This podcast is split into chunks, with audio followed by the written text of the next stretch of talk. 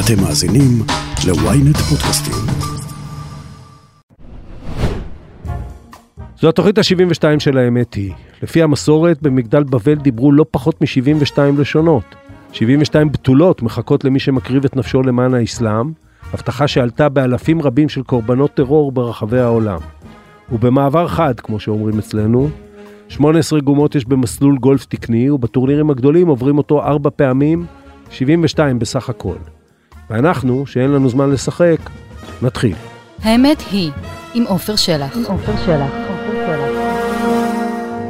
לפני כמה שנים נשא הנשיא ראובן ריבלין את נאום השבטים, סוג של אזהרה מפני פיצול הישראליות. ריבלין, פוליטיקאי ותיק, ידע היטב שמה שמכונה תיאוריית השבטים מניע את גלגלי השיניים של המערכת הפוליטית כבר דורות, עוד לפני שהמונח עלה לגדולה, כשבנימין נתניהו נבחר לראשונה לראשות הממשלה. כור ההיתוך הישראלי, במידה שאי פעם היה, כבר חדל לפעול. יש פה לפחות ארבעה שבטים מובחנים זה מזה, אם לא יותר, ומי שהיטיב להפריד ביניהם ולצמוח ממריבתם, גם ימשול פה. דוקטור מיכל טביביאן מזרחי הייתה בתפקידים בכירים במערכת הציבורית, ובהם סמנכ"ל אסטרטגיה במשרד החינוך. היום היא ראש מרכז מנור מבית יוזמת המאה, מושגים שיעלו בשיחה שלנו. במחקר חדש שלה ושל עמיחי דנינו, הם קובעים שהפיצול השבטי כבר קיים בפועל, וצריך להתרגל לחיים איתו ולפתח את הזהות של מי שראה בעצמו את השבט המרכזי, הציבור הכללי, חילוני, מסורתי, שנושא על גבו את השאר. מה זה אומר בדיוק? על זה דיברנו. מיכל טביביאן מזרחי, שלום. שלום עופר.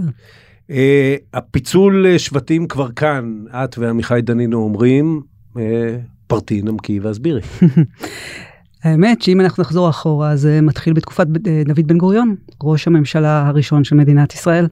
הוא בעצם, בא בעת שהוא החליט על פירוק המחתרות, הוא החליט על פיצול החינוך לזרמים. ואם אתה שואל אותי מה המקור, המקור הוא החינוך. אבל בוא נמשיך קדימה ואחר כך נחזור לא, לחינוך. אבל בואי נתעכב שנייה על בן גוריון, כן. יש לנו זמן. מפני שבן גוריון, את יודעת, יש משפט שאמר פעם אה, אהוד ברק על אה, שמעון פרס, אה, ראשו בעננים ורגליו בשלוליות. בן גוריון במובן הזה, וגם בנושאים שאני מתעסק בהם, כמו הגיוס, שהוא חלק כמובן מאותו דבר, מצד אחד ראשו בעננים של ליצור פה עם, כן, וכור ההיתוך, וליבת כור ההיתוך זה השירות הצבאי, והוא יוצר תוכנית שלמה של ליצור פה עם, ומצד שני, באותה נשימה, הוא עושה הסדרים קוניוקטורליים, סקטוריאליים, שבסוף מולידים את השבטים. כשאת מתחילה בבן גוריון, את חושבת על זה, את חקרת את זה, כאילו, הייתה מחשבה אחרת אולי? תראה, זה התחיל עוד, עוד טרם קום המדינה. שבן כן. גוריון במכתב הסטטוס קוו, אחד הנושאים שמנויים בנושא, במכתב הזה, זה החינוך. כן. ובחינוך הוא אומר, אני אתן לכם אוטונומיה, אבל שימו לב, זה חייב להיות לא תיאוקרטיה, אלא דמוקרטיה, ולכן אני נותן לכם אוטונומיה בשם הדמוקרטיה. Okay, זה שזה אחר כך נוצל באופן כזה שבעצם זה יתנתק מהמדינה, זה לא הייתה כוונתו. לא, אני- אבל הוא לא עומד, מה זה, ב, ב, מי יחליט מה זה תיאוקרטיה ודמוקרטיה? הוא נותן להם הוא להחליט. כותב את זה בתוך המכתב. בתוך מכתב אבל הוא הסטטוס לא קוו, עומד נגיד על ל- ל- לימוד אה, ליבה, כמו שאנחנו בתוך קוראים. מכתב הסטטוס קוו כתוב כן. גם לימוד ליבה, כתוב גם פיקוח, כתוב גם אה, אנגלית ושפה ומתמטיקה. ומה קורה? הוא אומר להם, בואו, אני נותן לכם במכתב הזה את האוטונומיה שאתם דורשים, והנה מכתב הסכמות בינינו. מצד שני, שימו לב, זה חייבת להיות דמוקרטיה כדי שהאומות המאוחדות, זה היה טרם הקמת המדינה, יצביעו בעד מדינה יהודית. זה היה הדיל, לצורך העניין. במובן הזה הוא היה מנהיג מאוד פרגמטי. כן. הוא הבין שהוא צריך את כלל ישראל כדי להקים את מדינת ישראל, והוא הבין שהוא צריך לשלם על זה מחירים.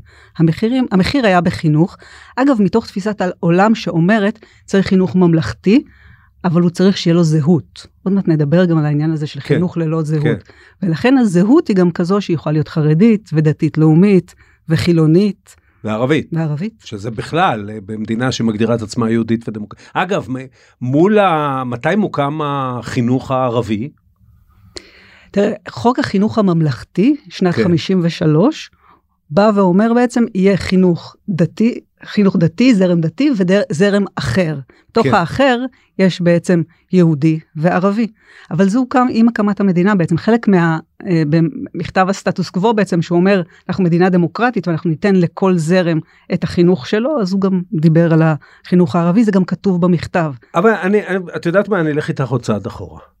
אולי כל המחשבה, גם כשאנחנו מסתכלים על עמים אחרים אה, וכן הלאה, ו- ואין ספק שהתנועה הציונית וה- והשיבת הקמת הבית היהודי, הלאומי היהודי בארץ ישראל היא, היא באמת מקרה ייחודי. אבל באיזה מקום מתיימרים לייצר עם אחר? באיזה מקום מתיימרים שאכן יהיה משהו שבסוף בצד אחד שלו ייכנסו החרדי, החילוני, הערבי, ואחר כך צומח כל הסיפור עם הממלכתי דתי ויצא אותו יצור. לא מבינה את שאלתך. לא, כי יכול להיות שככה זה.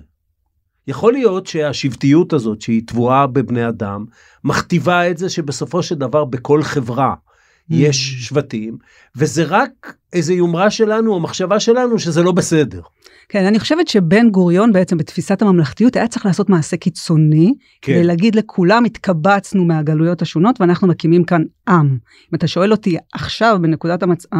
המצב הנוכחית, צריך להגיד, אוקיי, יש לנו זהויות שונות, אבל מה מקבץ אותנו כעם? אוקיי? Okay? כי כרגע המצב הוא שבעצם יש פיצול מוחלט לחלוטין, והשאלה היא על מה אנחנו חיים במשותף, מה הערך הייחודי שמגן עלינו כחברה במדינת ישראל, ועל השאלה הזאת אין תשובה היום. אז בואי, אנחנו נגיע לתשובה, בואי תמשיכי לתאר את הסיטואציה הקיימת, ואתם במחקר נוגעים הן בהיבט של חינוך, אה, אה, גיוס וכן הלאה, תני לי את זה ב...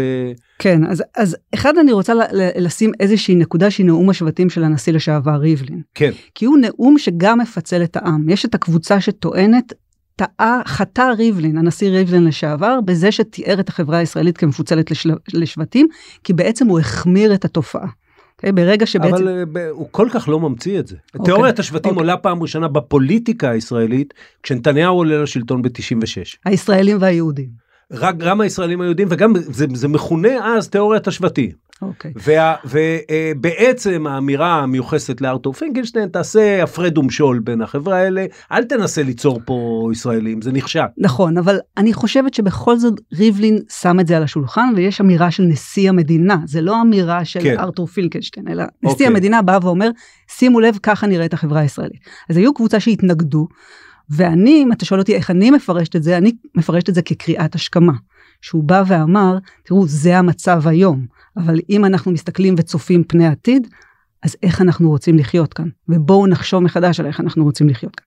עכשיו, אתה צודק שאתה אומר, זה בעצם הבסיס של פוליטיקת הזהויות. כי בעצם, תגיד לי איזה שבט אתה שייך, ואני אגיד לך מה העמדות שלך, מה העמדות שלך לגבי דת ומדינה, לגבי דמוקרטיה, בית המשפט, חינוך וכולי וכולי. מה שקורה בפוליטיקה של זהויות, שבעצם כשאנחנו מתווכחים על נושא מסוים, אנחנו לא מתווכחים עליו מתוך הבנה שאנחנו רוצים למצוא איזשהו אה, פתרון משותף, אנחנו מתווכחים עליו כאיום על הזהות שלי. כל עמדה שלך שהיא סותרת את העמדה שלי, היא איום מבחינתי. ולכן מה שאני אנסה, אני אנסה לדחוק אותך. Okay? אני אנסה בעצם לבוא ולומר לך, עופר, אם אתה חושב ככה, אין לי שום דבר משותף איתך. אבל אני שוב שוב חוזר לזה כי את יודעת אני תמיד אומר אה, פוליטיקה אה, תמיד הייתה זהותית מאז ימי הפוליטיקה מי אני את מי אני אוהב את מי אני שונא כמובן אה, שזה כוח עוד יותר חזק ותמיד היה לה גם צעד של פוליטיקה מעשית. בסוף אנחנו צריכים להיכנס לחדר ועכשיו בכל העולם הפוליטיקה המעשית הולכת ונדחקת ל, ל, או הולכת ויורדת בעיקר בעיניי מפני שאנשים מרגישים שהיא כבר לא יכולה לתת להם פתרון בזמן הזה וניהלנו פה הרבה שיחות גם במסגרת הזו האם היא יכולה לתת פתרונות לבעיות של, ה, של הזמן הזה והפוליטיקה הזאת עולה אז בארצות הברית זה אני יודע מה טראמפיסטים נגד אה, גלובליסטים שיושבים ב, בניו יורק או ב, בקליפורניה ופה זה, זה השבטים זה רק הצורה הישראלית זה הכל. אז אני אקרא לזה לא רק פוליטיקה של זהויות אלא גם פוליטיקה של הכנעה. Okay. אוקיי? לצורך העניין, בפוליטיקה המעשית אתה מגיע לאיזה שהן הסכמות. בפוליטיקה של היום, שהיא הפוליטיקה של זהויות, אנחנו בהכנעה. אני רוצה okay. כן. בגדול להכניע אותך, להכריע בסוגיה לטובתי, ותמיד היא גם תהיה דיכוטומית. או זה או זה, או יהודית או דמוקרטית. כשבאמצע, כל האנשים שהם גם וגם, שזה חלק מהתפיסה שלנו, נמוגים. מה זה אומר? אנשים שהם מסורתיים למשל, אנשים של שמאל אמוני, של חילוניות לאומית, של חרדיות מודרנית, כל האנשים האלה שנמצאים על השלב הלימינלי בין קבוצות, הם כאילו לא קיימים, למרות שאם אתה שואל אותי, רוב האנשים הם גם וגם. אז אני אטען ככה, שאנשים הם כאלה בחיי היומיום שלהם, הם כאלה כפרטים, אין לחרדי מודרני שום בעיה לחיות איתי ואיתך, אה, אין למסורתי בוודאי שום בעיה, אין להם גם בעיה עם זה שבמרחק של עשרה קילומטר או חמישה קילומטר אחת מהשנייה מתקיימות בני ברק ותל אביב. אה, מתי זה בא לידי ביטוי? כשמצביעים בקלפי. אז, אז מה? אז מה, מה נורא בזה? אז אולי נחיה עם זה ככה. ועוד אני אספר לך, שבעצם כן. זה גם אחרי שמצביעים בקל, בקלפי, זה ממשיך להתעצם בתקשורת, בעוד שאתם הפוליטיקאים בחדרי הוועדות ובמזנון, כבר איבדתם לחלוטין את הפוליטיקה של הזהויות, ואתם תייצרו את הקונקטורות הפוליטיות כדי לקדם את הנושאים שלכם. הלוואי וזה היה ככה, אולי, אולי נדבר על זה גם מהניסיון שלך. כן, אני חושבת למשל, אה, כן. שיש פוליטיקאים בכירים היום, שבחדרי חדרים, אני שומעת את זה מחברים שלי, מדברים בצורה הרבה יותר מתונה ממה שהם מדברים בתקשורת. אה, בסדר, זה תמיד היה מפני שבתקשורת אתה מדבר בשביל להביא קולות, ו- ושוב, זה הטבע האנושי שאתה תביא קולות מה, מהקצה התודעתי של המצביע mm-hmm. שלך ולא מהאמצע. אבל אה, אולי, אולי נחזור לזה אחר כך, אבל בואי תמשיכי בתהליך האפיון של, ה, של השבטים האלה, איזה סימנים את מוצאת בהם? כן, אז האידיאולוגיה השבטית הזאת, אמרנו שיש זהות שבטית והיא מאוד הומוגנית והיא מחולקת כרגע לארבעה שבטים. האידיאולוגיה הזאת, כדי לשמור עליה, אה, כדי להגן על, על עצמה מבין השבטים האחרים, מה שהיא יוצאה, היא מייצרת לעצמה אה, משמעויות כלכליות. אוקיי? Okay? Uh, לשבטים השונים יש מנגנונים תקציביים שעוזרים להם בעצם לפתח את השבט. כן. ככל, אגב, ככל שאתה יותר הומוגני ויותר קיצוני, ככה אתה מקבל יותר. במובן הזה, חלק מהטענות שלנו במחקר, יחד עם עמיחי דנינו, היא על העובדה שככל שאתה קיצוני יותר, תקציב המדינה ייתן לך שיפוי הרבה יותר גדול. אני, אני רוצה להתווכח איתך על זה, ואני בכוונה אשאיר בצד את השבט, אה, כמו שאת קוראת לו, נקרא לזה הממלכתי דתי או הציוני או הדתי לאומי. אה, אה, שהוא באמת מיוחד ואני אדבר על ערבים וחרדים ואני אטען ככה. תלמיד ערבי ותלמיד חרדי, ערבי בוודאי, מקבלים מאוצר המדינה פחות מאשר תלמיד בחינוך הכללי. והמדינה בעצם מקיימת עם, ה... לא רק המדינה, אלא גם ה... נקרא לזה השבט החילוני בשביל לא להיכנס חילוני, מסורתי, כללי, מקיים איתם עוד אה, אה, אה, מה שפעם דני בן סימון קרא באיזה ספר עסקה אפלה. אתם, זה נכון שעול המיסים יהיה עליי, זה נכון שבסופו של דבר אני אמצא את עצמי מממן חלק גדול ממה שאתם מקבלים, אבל באותה מידה אני גם ממשיך להחזיק בפוזיציות שנותנות לי עליונות כלכלית, נוטלות לי עליונות אה, אה, חברתית אם את רוצה, ב... אני אהיה בסוף החזק פה, וכן, חלק מזה שאני חזק זה אני קצת אשלם בשבילכם. כן. תראה, אני יכולה להגיד לך על תקציב החינוך כי אותו אני מכירה טוב. אוקיי. זה נכון שאם אתה אה, מסתכל על עלות פר תלמיד לפי השבטים השונים, אז החינוך הערבי מקבל הכי פחות וגם החינוך החרדי. נכון. אלא מה? כן. שאני יכולה להגיד לך שזו לא שקיפות מלאה. אוקיי, תקציבים קואליציוניים, תקציבים קואליציוניים בחברה החרדית נותנים להם שיפוי מאוד גבוה, שאגב, גם אני לא יודעת את כולו. Okay? כן. כלומר, בעצם משמרים מנגנונים של כספים קואליציוניים באופן כזה שייתנו כוח לפוליטיקאים החרדים בתוך הממשלה ואל מול האוכלוסייה שלהם. בעצם יוצר מנגנון שנותן כוח, אגב, לא למדינה אל מול האזרח, אלא לכל מיני עמותות חרדיות אל מול אבל האזרח. אבל שוב, מיכל, אני, אני, סליחה שאני קוטע אותך. אה, אני אתן לך למשל עם הערבים ואני העברתי אה, תקציב מדינה כולל כחבר הנהלת קואליציה ואיש מוביל בוועדת הכספים. למשל הכספים כספים לציבור הערבי הם אף פעם לא בבסיס התקציב. נכון. עכשיו מכיוון שאנחנו מדברים שפה של מתקדמים בוא נגיד אה, בסיס התקציב זה בעצם מה שעובר טייס אוטומטי מתקציב לתקציב מעודכן בצורה כזו או אחרת אבל עובר.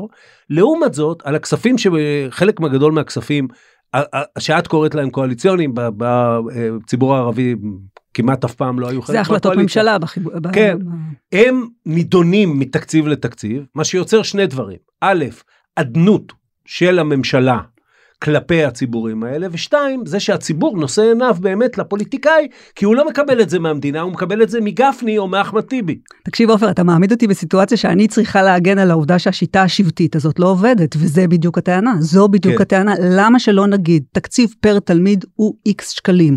כל התלמידים מקבלים את אותו תקציב. על הדבר הזה, בוא נכיל איזשהו תקצוב דיפרנציאלי, שהוא סוציו-אקונומי, שהוא נוגע לכל מיני משתנים אחרים שהם חשובים, והם ייצרו יותר הוגנות ושוויון במערכת החינוך. מאה אחוז, רק? סוציו- זו הטענה. סוציו-אקונומי בישראל זה גם שבטי. זה בדיוק. שלושת העשירונים התחתונים זה היום, חרדים הח... וערבים. נכון, אבל היום כן. החרדי, הערבי והבדואי והחרדי, כל אחד מקבל תקציב לפי השיוך השבטי שלו, ולא לפי מצב הסוציו-אקונומי שלו. ואני חושבת שזו בעיה מאוד גדולה, זה האיום האסטרטגי על מדינת ישראל. אתה מייצר חוזים שונים לקבוצות שונות בחברה הישראלית, באופן שאתה מפתח בעצם די אוטונומיות. Okay? עכשיו אם אתה מסתכל על זה בראייה אסטרטגית ארוכת טווח, יש כאן סיכון מאוד מאוד גדול, לא רק לחברה הישראלית, אני חושבת למדינת ישראל כמדינה. אני, אני, אה, אנחנו לא, הרי לא מתווכחים על ראיית המציאות כי היא מבוססת על עובדות. אנחנו מתדיינים מי, מי אשם פה, הביצה או התרנגולת. וה, כי, כי אה, שוב, בסופו של דבר, אני לא בטוח שהציבור הכללי, לצורך העניין, אה, מוכן למחיר של הכללה מלאה של החרדי והערבי בתוכו. אני לא בטוח. הוא אולי אומר את זה, אבל אני לא בטוח. וה... ה, אה, אה, באיזשהו מקום שאולי הוא לא... א', זה, זה מפרנס את פוליטיקת הזהויות ואת ה, את הטינה כלפי האחר. זה שאני מרגיש או שהוא מפלה אותי או שאני נושא אותו על אה, גבי. ושתיים זה אומר למשל אה, אם שוב אם אנחנו מסתכלים על מדינות העולם אה, את יודעת למשל אפליה מתקנת שנוגעת לשיתוף ערבים או חרדים בשירות הממשלתי או בדברים כאלה לא, לא מבוצעת יש חקיקה אבל היא לא מבוצעת במדינת ישראל. אמ, תראה, אני חושבת שזה שלוב אחד בשני. כן. אני לא יכולה להגיד שהאשמה היא פה, היא האשמה היא שם. אני יכולה להגיד לך, וראיתי את זה גם בתוך הממשלה, שהיה רצון אמיתי, אמיתי, להכיל את החברה החרדית והערבית. אני גם אומרת לך, רואים שינויים משמעותיים בנתונים. תראה תעסוקת נשים חרדיות, תראה תעסוקת נשים וגברים ערבים. אתה רואה כן. שינוי משמעותי. אז אי אפשר. להגיד שלא נעשתה כאן כברת דרך. זה נכון, זה תהליך ארוך ומפרך, והוא... הוא עוד לא מספק. אז אני חושבת שנעשה שינוי. אני כן רואה שגם לצד השני, יש כאן אה, מעמד משמעותי בתוך המשחק הזה. אני, אני אשאל אותך, אז אנחנו כבר בתחום הפסיכולוגיה. נגיד שהצעדים האלה יישאו פרי, אז זה רוורסבילי עניין השבטים, או שהערבי יישאר ערבי והחרדי יישאר חרדי והדתי לאומי יישאר דתי לאומי? גם אם uh, יהיו יותר uh, חרדים או ערבים בהייטק לצורך העניין. תראה, אני לא מצדדת בתפיסתו של בן גוריון שאמר מחיקת הזהות. כן. לא תהיה מחיקת זהות ולא מחיקת שמות, אני לא חושבת שזה מה שיקרה. אני חושבת שצריכים לחיות כאן אנשים שמאמינים אמונות שונות, יש להם תפיסות עולם שונות, וזה לגיטימי, זה הפלורליזם שאני מאמינה בו באופן אישי. יחד עם זאת, אם אנחנו בוחרים לחיות כאן ביחד, צריך שיהיה לנו משהו משותף. בעיניי הוא נובע משני דברים, גם מאיזשהו סיפור משותף צופה פני עתיד, אוקיי? מה החזון המשותף שלנו למדינת ישראל? כרגע יש ארבעה חזונות שונים, שהם לא רק מתחרים על התקציב, הם גם מתחרים על בעצם איך תיראה מדינת ישראל נכון. בשנתה המאה. אז אחרי, אחרי הנרטיב המשותף הזה, אני חושבת שגם צריך להסכים על כללי המשחק. אנחנו עכשיו במאבק על כללי המשחק. אז בואי בואי נגיד מהו הנרטיב כי אני אגיד לך את הנרטיב שלי ותגידי אם אני הנרטיב שלי הוא מדינה בסוף אנחנו מייחסים בכל העולם אבל בטח אצלנו מייחסים למושג מדינה אה, ערכיות זאת אומרת אתה מואשם בזה שאתה לא אוהב את המדינה או כן אוהב את המדינה אה, אה, וכן הלאה. ובטח במדינה שהיא עוד בסכנה קיומית כזו או אחרת ויש פה שירות צבאי חובה שגם כן פחות מחצי מהאנשים משרתים בו אבל כאתוס הוא עוד קיים. ואני אומר אני מסתכל על המדינה ואני שואל הפוך מקנדי אני שואל לא מה אני עשיתי בשבילה אלא מה היא תעשה בשבילי. והאתוס צריך להיות אני אזרח שממלא את חובותיו קרי בראש ובראשונה ואולי בכלל מציית לחוק ואני מקבל מהמדינה שירותים ברמה שהיא גם על, על פי תפיסה של מדינת רווחה מתאימים ומגיעים לי. זה מספיק? צריך יותר מזה? אה, אני חושבת שצריך חזון שאומר איך אנחנו רואים את המדינה, והדבר הזה בעצם הלך לאיבוד. כלומר, שיח של זכויות וחובות הוא שיח, הוא שיח בסיסי, זה כללי המשחק בעיניי. כן. אבל בואו נדבר על איך אנחנו רואים את מדינת ישראל מבחינת אה, הערכים שלאורם היא מתקיימת, אוקיי? מבחינת תפיסת העולם של איך היא מכילה קבוצות שונות בתוכה, איך היא נותנת להם מרחב, מה קורה במרחב המשותף של הקבוצות האלה ומה קורה אולי בתוך השכונות פנימה, אוקיי? כן. בואו נדבר גם על סוגיות ספציפיות. אנחנו הולכים להיות המד... המדינה אחת הצפופות בעולם. כן. מה החזון שלנו לגבי הדברים האלה? איך אנחנו הולכים להתמודד עם זה? אוקיי? איך אנחנו רואים את החינוך במדינת ישראל? האם החינוך צריך להתנהל ככה? אבל. למשל אתם מזכירים במחקר אני לא קראתי אותו קראתי כתבה עליו אבל אתם אה, את אה, זה שאפילו הבינוי כאילו נכון. צורת המגורים היא אחרת לשבטים השונים. עכשיו את יודעת אפרופו הבדואים כן, הרי יש תמיד את השאלה למה לא הם לא מתכנסים לאישור. הבדואי לא רוצה לגור כנראה. כן אבל עופר זה כבר ב... תפיסה שלא קיימת. הבנייה כן. היום לבדואים היא בנייה לגובה. כן. נכון? הם, כן. הם חיים בערים גם. נכון? אוקיי. אז, אז אנשים משתנים, קבוצות משתנות, כן. גם לאור תנאי המצב, אוקיי? והסיטואציה, כן. וגם כי קבוצות משתנות, הן נהיות מודרניות יותר. הן מבינות שצריך להתנהל אחרת, ובמובן הזה יש תפקיד למדינה. בן כן. גוריון שהוא קיבל החלטות, הוא קיבל גם החלטות מאוד מאוד קשות. נכון. נכון? נכון. כדי לייצר עם, כדי לייצר כן. כאן את האתוס המשותף ואת כללי המשחק המשותפים. אני חושבת שכאן חסרה המנהיגות, שתבוא ותגיד רגע, אה, אנחנו כאן חיים ביחד, אף אחד לא הולך לשום מקום. ספרי לי אבל, בוא, בוא נלך קומה למעלה. ספרי לי את הסיפור הישראלי הזה, עזבי את uh, רשימת המכולת של חובות וזכויות ו- ואיך גרים. מה הסיפור פה? של, של החיים במדינת ישראל. כי ברגע ישראל. שאמרת מדינה יהודית ודמוקרטית, הוצאת ציבור אחד לפחות אולי יותר מאחד. אני כי... לא יודעת, תראה אני שומעת את מנסור עבאס והוא כן. מתחבר, הוא לא, יכול לבוא ולהגיד. מנסור עבאס, מנסור עבאס ממש לא מתחבר, אני אומר לך כמי שמכיר אותו. אז תחתוך את זה. ואפילו, ואפילו אה, אה, מעריך ומחבב אותו. כן. מנסור עבאס אומר דבר אחר לגמרי. הוא אומר אני ש"ס, הוא אומר את זה בזה, על פי תפיסתו את ש"ס, לא ניכנס עכשיו כן, לניתוח של כן, ש"ס. כן. וש"ס לא מתעסקת עם זהות המדינה, היא עושה עם המדינה עסקים. ומנסור אומר אני להפך מי ש...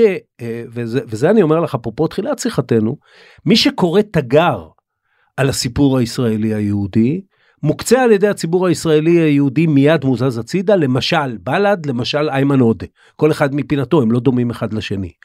וה, וה, או, או החרדים אה, לצורך העניין. אה, אה, אני אבל מבקש ממך את, אנחנו בעולם אוטופי רק שנינו פה יושבים באולפן תני לי את הסיפור הישראלי שתחת המטריה הזאת השבטים האלה יכולים להתכנס. תראה, הסיפור שלנו מתחיל בשלושה מספרים. אוקיי. Okay. Okay? הוא מדבר על 50, 30, 20. Okay? זה איזושהי סקיצה, אל תתפוס אותי במספרים, אבל הוא בא ואומר, בואו נסכים על 50% מהדברים. Okay? הם יהיו ברמה המשותפת. Okay? כן. בחינוך, נגיד, בוא נסכים על תוכנית לימודים, ואני שמה בצד דווקא את מתמטיקה ואנגלית, על מה הסיפור ההיסטורי, הנרטיב הספרותי, אוקיי? אה, כללי המשחק הדמוקרטיים. בוא נגיד רגע מה הם ומה החמישים אחוז שכולם לומדים. אתה מחייך כי אתה אני, אומר איך החרדים יעשו אני, את זה. אני עוצר אותך כאן כי כי אה, זה לא זה. אתם ואגב אני שומע אותך אה, זאת אומרת קראתי אותך מדברת על זה לא מעט. הרי מי שבורח מזה זה בכלל הזרם הכללי. ואת אמרת גם ברעיון הזה שבחינוך הממלכתי דתי למשל מתעסקים עם הנרטיב ה... הישראלי יהודי ציוני איך שתקראי לו באיזה לעומת זאת מערכת החינוך הכללית כידוע היטב לך ולי לך מפני שעבדת בזה ולי מפני שהיו לי ילדים בזה בורחת מהסיפור הישראלי בהכי מהר שיכולה לרוץ. אופיר בגלל זה אני חושבת שחייבים להתחיל ולדבר על החינוך. אוקיי. ואולי, ואולי רגע בוא, בוא נשים יאללה כי, חינוך. כי כי השבטים האלה שדיברנו עליהם מקודם, כן. הם מעוצבים על ידי בניית זרמי החינוך, אי אוקיי. שם בשנות ה-50, אוקיי? קודם כל בוא נשים את הנתונים על השולחן. כן. חינוך במדינת ישראל, כמעט שני מיליון תלמידים, כמעט 43 אחוזים מתוכו הוא מה שנקרא חינוך ממלכתי. כן. אוקיי? ממלכתי יהודי. אוקיי? מה זה אומר? זה אומר שזה לא החינוך הדתי-לאומי, 14 אחוז, זה לא החינוך החרדי, 20 אחוז, ולא החינוך הערבי שהוא 23 אחוז. אוקיי. Okay. אוקיי? Okay? החלוקה הזאת בעצם אומרת לך איך תלמידי אה, ישראל נראים היום. כאשר אתה שואל בעצם תלמיד, מי אתה? הוא יגיד לך אם הוא חרדי, אם הוא ערבי, או אם הוא דתי-לאומי. אם הוא לא אחת משלושת הקבוצות האלה, אז הוא אחר. האחרות הזאת כמעט לא מתבטאת בכלום, אוקיי? לא בערכים משותפים, לא בתפיסה דתית משותפת, אוקיי? אפילו לא בתפיסה של הצבעה פוליטית. בניגוד לשלושת הזרמים האחרים שהם מאוד הומוגנים, אוקיי? הם הומוגנים, הומוגנים ברמת הדתיות שלו, ערבים יהודים, הם הומוגנים גם בהצבעה. אוקיי? כן. הרבה פעמים בחמ"ד אנחנו רואים הודעות שמנהלים שולחים תלמידים לעודד הצבעה למפלגה מסוימת. כן. החינוך הממלכתי לעומת זאת, א' הוא מאוד מאוד גדול ביחס לאחרים כמו שתיארתי, ודבר שני הוא מורכב גם מסוציו-אקונומי מנעד מאוד מאוד רחב, גם ממנעד דתיות מאוד רחב, מחילונים גמורים דרך מסורתיים ואפילו דתיים בתוך החינוך הממלכתי. כן. הדבר הזה למורה בכיתה, בקובייה הכי קטנה, לא מאפשר לייצר שיח זהותי, כמו שהוא אמור בעיניי במערכת החינוך. אז אני אגיד לך משהו, בעיניי זה פחדנות. אוקיי? לא מה שאת אומרת, לא, אלא, לא, רגע, אלא מה שאת ההתחלה. מתארת. זו נקודת לא, ההתחלה. אני אגיד לך מה. כשאני הייתי בבית ספר, שזה היה די מזמן, אה, אה, דיון על אה, ההיסטוריה של מדינת ישראל, לא של...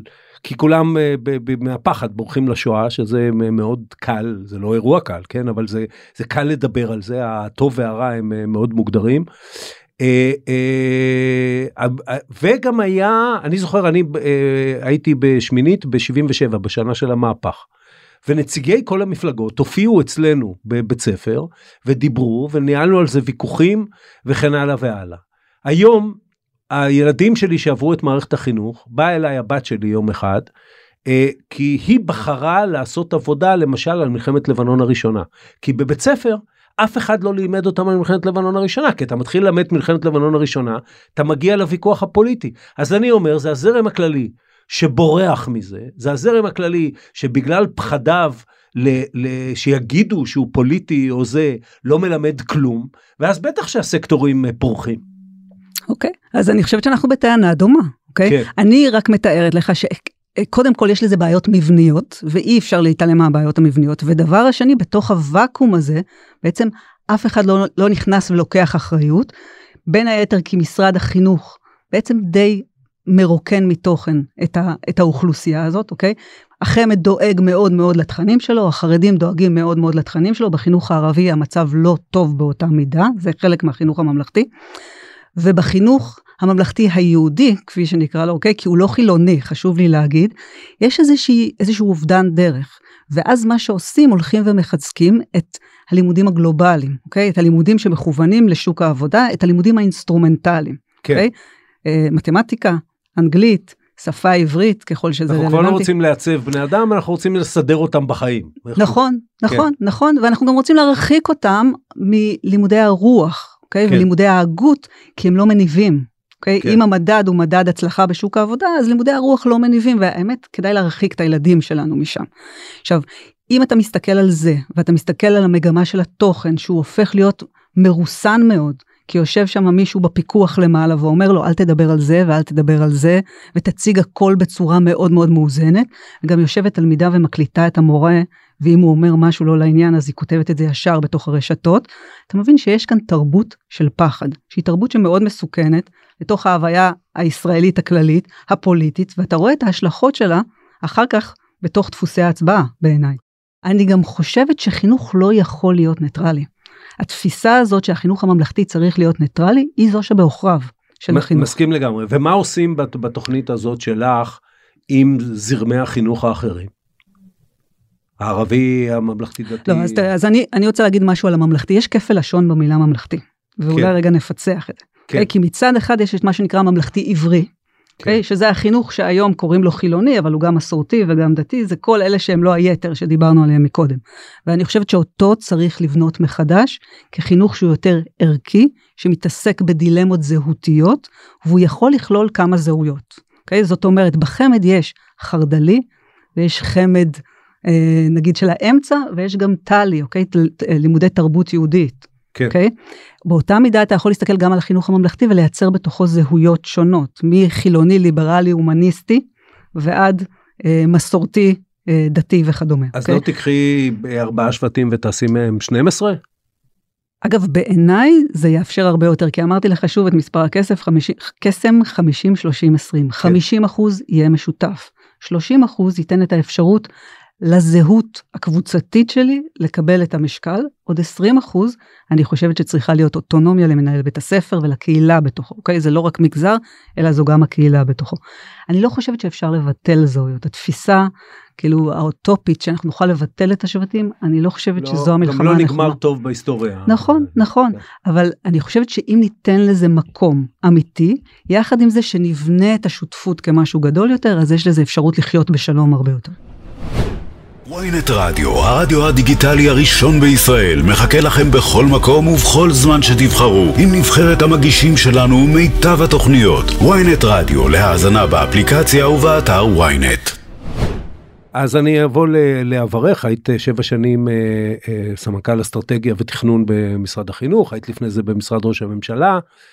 מה מונע את הדברים האלה? מה, פחד של פוליטיקאים? מה מונע את זה? את ההתייחסות לחינוך אתה מתכוון או בכלל? את, את למשל ההטמעה של משהו מהסוג של ה-50-30-20 שעליו את מדברת. כן, יחסי כוחות פוליטיים, מה, מה מונע את זה? לא, אני חושבת שאומץ פוליטי, אומץ. אומץ פוליטי. כן, תראה, שינויים בחינוך הם שינויים הרי אסון. במובן של ניהול סיכונים, עדיף לך כשר, בדרך כלל, לשמור על שקט תעשייתי ולעשות איזושהי פעולה אחת מאוד מאוד מוצלחת. אגב, קצרת טווח, עד שנתיים. אם אתה רוצה ללכת למהלך אסטרטגי גדול, יש סיכוי שתיחשב כשר כושל. אוקיי? הסיפור... אני, אני אטען שלהיות שר מצליח או כושל במדינת ישראל אין לזה שום אה, רווח והפסד פוליטי זה אחת הבעיות שלנו שאין שום אה, אה, אני מבינה על מה אתה מדבר. רווח על מבינה. הצטיינות או, אבל- או, אבל- או מחיר לכישלון אבל אלא אם אתה שר ביטחון אבל אני חושבת שאתה. יכול, אני, אני מסכימה כן. איתך, אבל אני חושבת שאתה יכול להבין את זה שכרגע אין שום דיבידנד פוליטי לחזון ארוך טווח.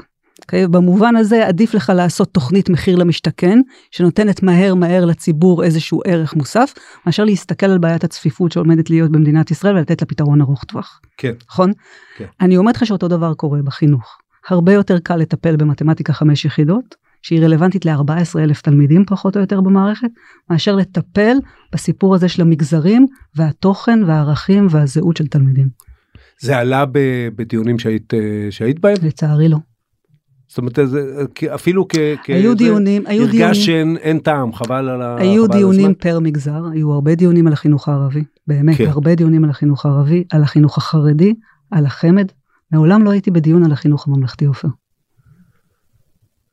גם אין, אה, אין אה, ראש אגף החינוך הממלכתי. אין ראש נכון? אגף חינוך ממלכתי, אין מועצת חינוך ממלכתי כמו שיש לממלכתי הדתי. לצורך העניין, אם אבי מעוז עכשיו רוצה להחליט החלטות לגבי תוכניות, זה לא רלוונטי לחמ"ד, כי המועצה צריכה לאשר את התוכניות. כן. לעומת זאת, לחינוך הממלכתי אין את ההגנה הזאת. אז אני אומרת לך שבמבנה יש כאן משהו שאתה אומר זה השבט הכי חזק, ובמידה מסוימת אתה צודק, אבל הנה בעולם, בעולם החינוך, זה הקבוצה הכי חלשה והכי לא מוגנת. אה, ומצד שני, בגלל שהוא חזק אה, כלכלית, בעולם החינוך האפור הוא מונופול. כן, אבל... וישראל היא אחת המדינות עם הכי הרבה חינוך לא פורמלי, לא נקרא לזה אפור, אלא חינוך לא פורמלי שאנחנו מכירים, נכון? נכון, עם הוצאה פרטית הולכת וגדלה על חינוך, כן. לחלוטין. אבל זו, זו הסכנה השנייה. אם דיברנו על הסכנה הראשונה, שהיא סכנה של מגזור במה, בחינוך, אז הסכנה השנייה היא סכנה של חינוך שהופך יותר ויותר פרטי, אבל באצטלה ציבורית. Okay, ומה שהולך לקרות עכשיו עם החינוך החרדי הוא בדיוק הסיפור.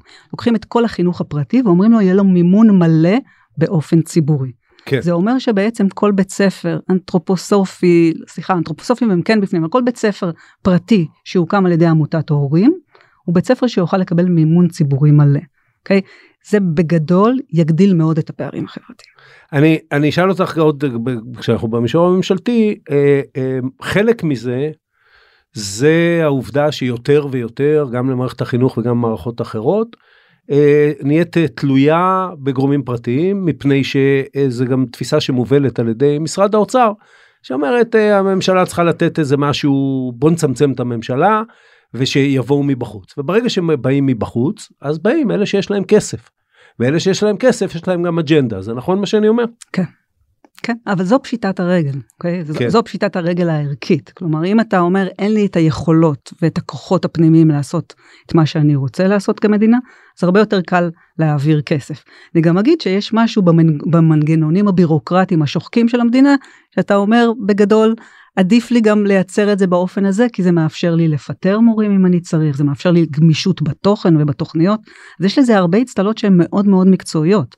אבל יש לזה גם חוש, חולשה מקצועית עמוקה, שבעיניי יכולה לקחת את החינוך בשנים הבאות לכל uh, מגמה או טרנד איזוטרי שינועו כאן במרחב. אז את היית לדעתי תחת שני שרי חינוך, נכון? שלושה. שלושה רגע. היה רפי פרץ בנט? באמצע. אה, אוקיי, אבל ב- ב- באופן... כן. אה, זה שני שרי חינוך. חמיש. אה, אה, ניסית ככה ב- באחד על אחד אה, להגיד להם אולי נתפוס שור יותר גדול בקרניים ולא רק נעשה שיפוצים, לא רק נעשה פאנלים פה?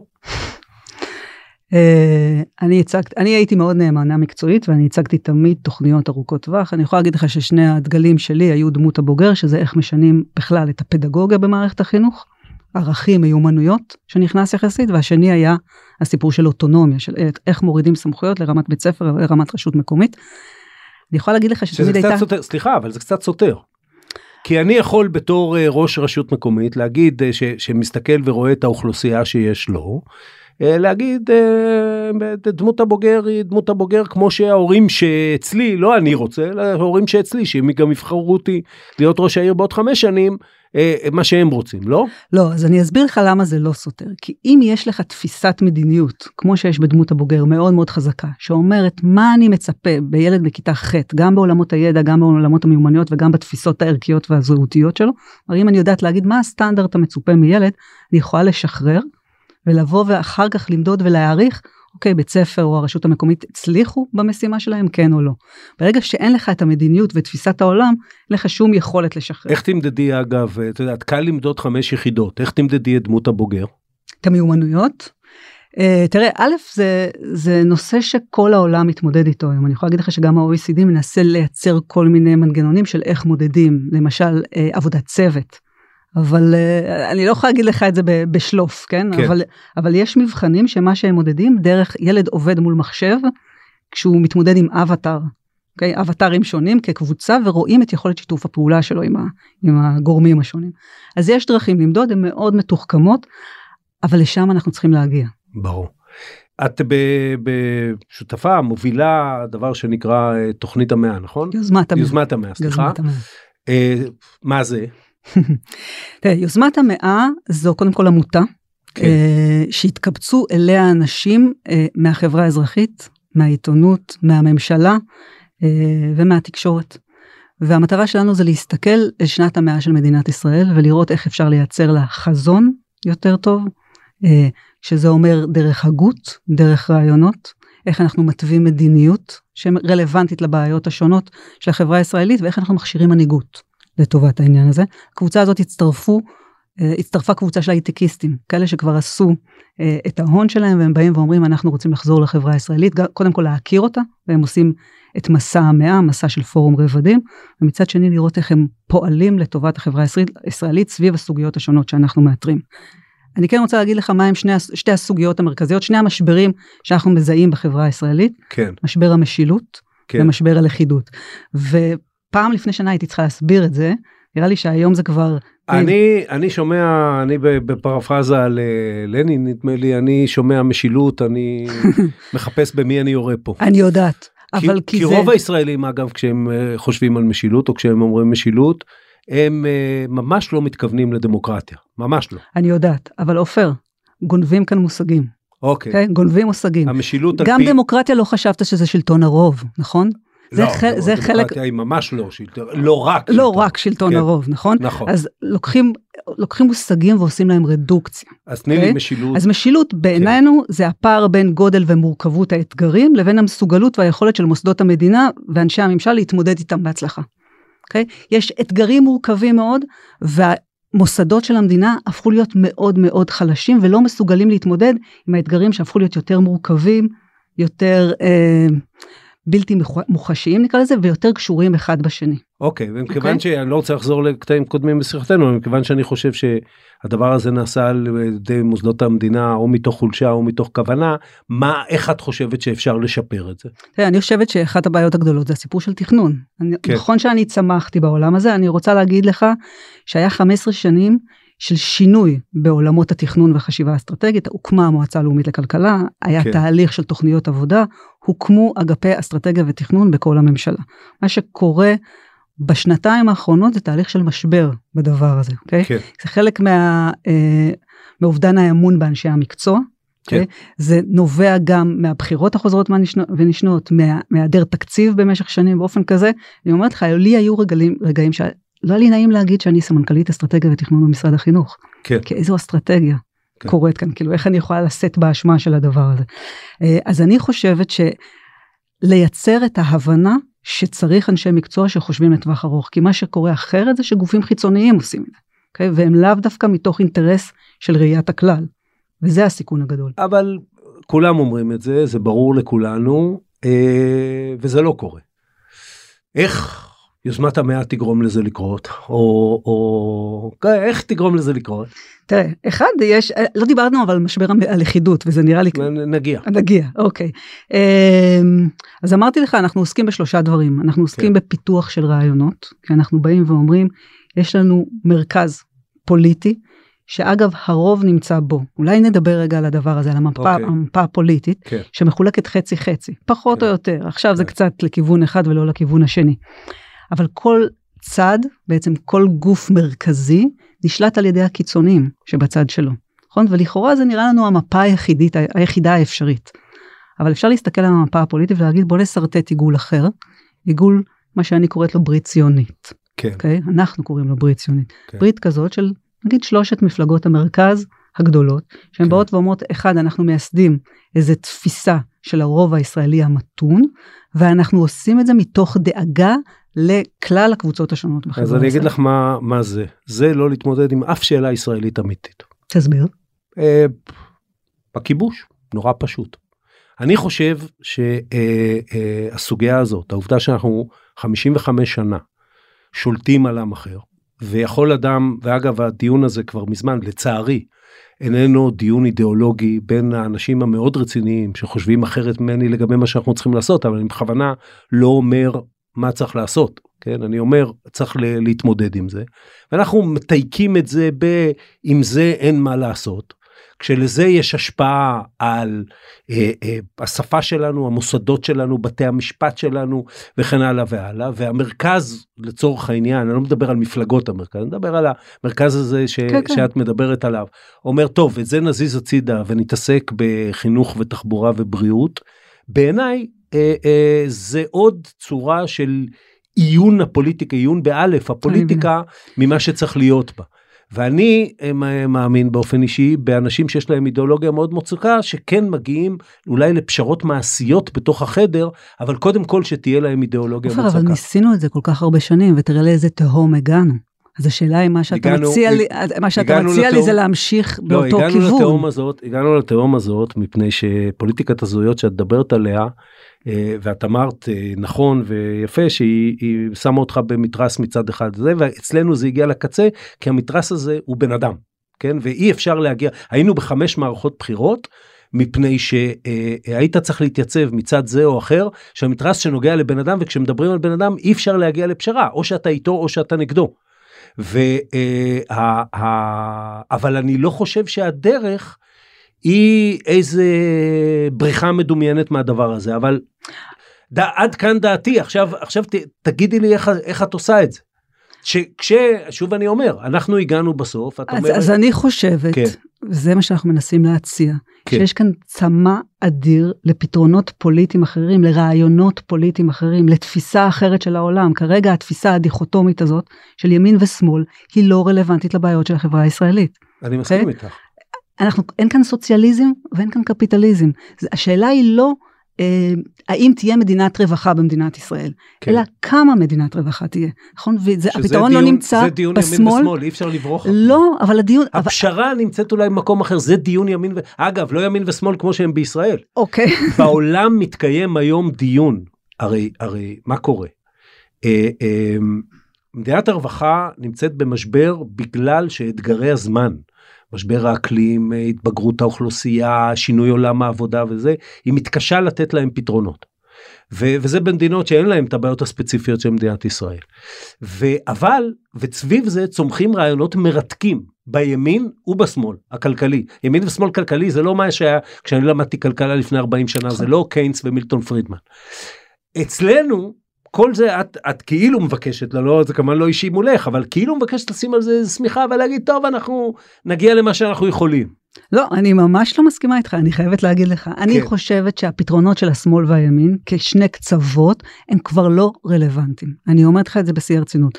אין כאן תפיסה של סוציאליזם מוחלט שנמצאת רק בשמאל, ואין כאן מדינה, ואין כאן תפיסה של קפיטליזם שאומר בלי זכויות רווחה. אני לא חושבת שזה קיים במדינת ישראל, כן, זה, נכון? זה כבר לא קיים, אוקיי, לא רוצה לחזור אוקיי, על זה. אז, אז אני זה חושבת... כבר לא ימין ושמאל. נכון, זה, זה כבר לא... כן. ולכן צריכה להיות, להתפתח כאן איזושהי עמדה פוליטית אחרת, שנשענת על רעיונות גדולים, אוקיי? שמייצרים תפיסה של המציאות, שמתארים את המציאות במילים אחרות, בשפה אחרת, מאפשרים לציבור בעיניי לצאת קצת מפוליטיקת הזהויות, לעבר, לעבר פוליטיקה שאתה קראת לה פוליטיקה יותר מעשית. אני חושבת שזה מה צריך להיות... שמביא אותנו לקראת סיום ללכידות. ללכידות. אוקיי, אז תראה, זו, זו הבעיה השנייה. היא מתמצאת כיום בפוליטיקת הזהויות ומה שדיברנו עד עכשיו, אבל זה היעדר ליבה ישראלית מוסכמת סביב הנושאים המרכזיים שמסעירים את מדינת ישראל. וזה אה, גורם לשבטיות, זה גורם להתפרקות של האמנה החברתית, של התפיסה הסוציאלית, לא הסוציאליסטית, הסוציאלית של איך אנחנו עוזרים אה, לחלשים בחברה הישראלית, וגם של פערים תרבותיים בין דתיים וחילוניים, בין ערבים ויהודים. נכון, הדבר הזה שהוא... זה בעצם שני, שני משברים מאוד גדולים של לכידות ומשילות שהם מזינים אחד את השני. ובהיעדר משילות הקבוצות השונות, שוב, משילות בתרגום שאני אמרתי, לא בתרגום כן. הציבורי הנפוץ, כן. של היכולת של המדינה לממש את סמכותה אה, כדי להתמודד עם הבעיות הגדולות שמטרידות את האזרחים שלה. הבעיה הזאת של המשילות מול הבעיות של הלכידות מזינות אחת את השנייה וגורמות למשבר הגדול שאנחנו רואים עכשיו. צריך לטפל בהם במשולב. עכשיו, הפתרון של המשילות הוא לא בעיניי להפעיל יותר כוח ואכיפה כמו שזה מתפרש היום, אלא זה לייצר חזון ותוכנית עבודה סדורה בראייה עתידית וכזו שרואה את כלל השבטים במדינת ישראל. זה צריך לטפל במשבר האמון והדימוי השלילי של הממשלה. התפרסמו נתוני סקר אה, המכון הישראלי לדמוקרטיה, אנחנו רואים את האמון הולך ויורד בכל המוסדות, צריך לטפל בזה, וזה גם השחיקה של האפקטיביות של הממשלה, איך קוראים לממשלה? להיות הרבה יותר אפקטיבית בטיפול. אם נטפל בזה, במקביל לפעולות שונות בחברה הישראלית, אנחנו מאמינים שזה אפשרי, זה אומר חזון משותף, הגות ורעיונות, תוכניות מדיניות, והכשרות של מנהיגות צעירה שצריכה לתפוס את המקום ולגדול על הרעיונות האלה. ופה אנחנו לגמרי מסכימים ש... אה, וזה אגב לדעתי אחת מה, מהבעיות שלנו, אין, אין לנו אה, דור צעיר שעוסק בפוליטיקה. ו, וגם במחאות שקורות עכשיו, או בזה, בשני הצדדים, את רואה אנשים מבוגרים בעיקר, את רואה דור צעיר, שאגב זה, זה בא לידי ביטוי גם באחוזי ההצבעה שלו, אבל בעיקר בפוליטיקה המעשית שלו, ש... שלא, אולי בתחושה, אני לא מאמין שהם אדישים, אבל בתחושה של חוסר מסוגלות, לא שם בכלל. נכון, אני מרגישה את זה כתחושה של ייאוש, ואני מחזירה אותך לחינוך. אם הם לא גדלו על איזושהי, איזושהי מערכת חינוך שמאמתת אותם עם דילמות, שמחנכת אותם להיות ערניים למה שקורה סביב, להביע עמדה, לחשוב באופן ביקורתי, איך אתה מצפה שבגיל 18 הם יוכלו לעשות את זה? אני חושבת שזה מאוד מאוד טמון במערכת החינוך, ואגב, זה שינוי שהוא אפשרי, בהינתן שר שירים את הכפפה כמובן. הוא אפשרי כי תוך עשור אנחנו יכולים להפוך את הגלגל. תחשוב על ילד שנכנס עכשיו בשערי כיתה א', יש אפשרות לשנות את תפיסות העולם החינוכיות, את הזהות שלו, באמצעות פעולות די פשוטות. אגב, זה יגרום גם לאנשים להתחבר חזרה לחינוך. חוסרי המורים נובעים מהעובדה שאין שום משמעות כרגע לחינוך. אם מורה יחשוב שיש לו משמעות והשפעה על הילדים, הוא ירוץ לשם. אין ספק בכלל. מיכל טביון מזרחי, תודה רבה. תודה עופר. עד כאן עוד פרק של האמת היא. אתם מוזמנים לעקוב אחרינו בוויינט או באפליקציית הפודקאסטים המועדפת עליכם. אם זה קורה באפל או בספוטיפיי, אתם מוזמנים גם לדרג אותנו. אל תתביישו לכתוב לי בקבוצת הפייסבוק פודקאסט להמונים. ואם אהבתם, לא נתנגד שתשלחו את הפרק לחברים. העורך שלנו הוא רון טוביה, הפקה ערן רחמני, על הסאונד גיא סלם. אני עופר שלח, נשתמע בפעם הבאה.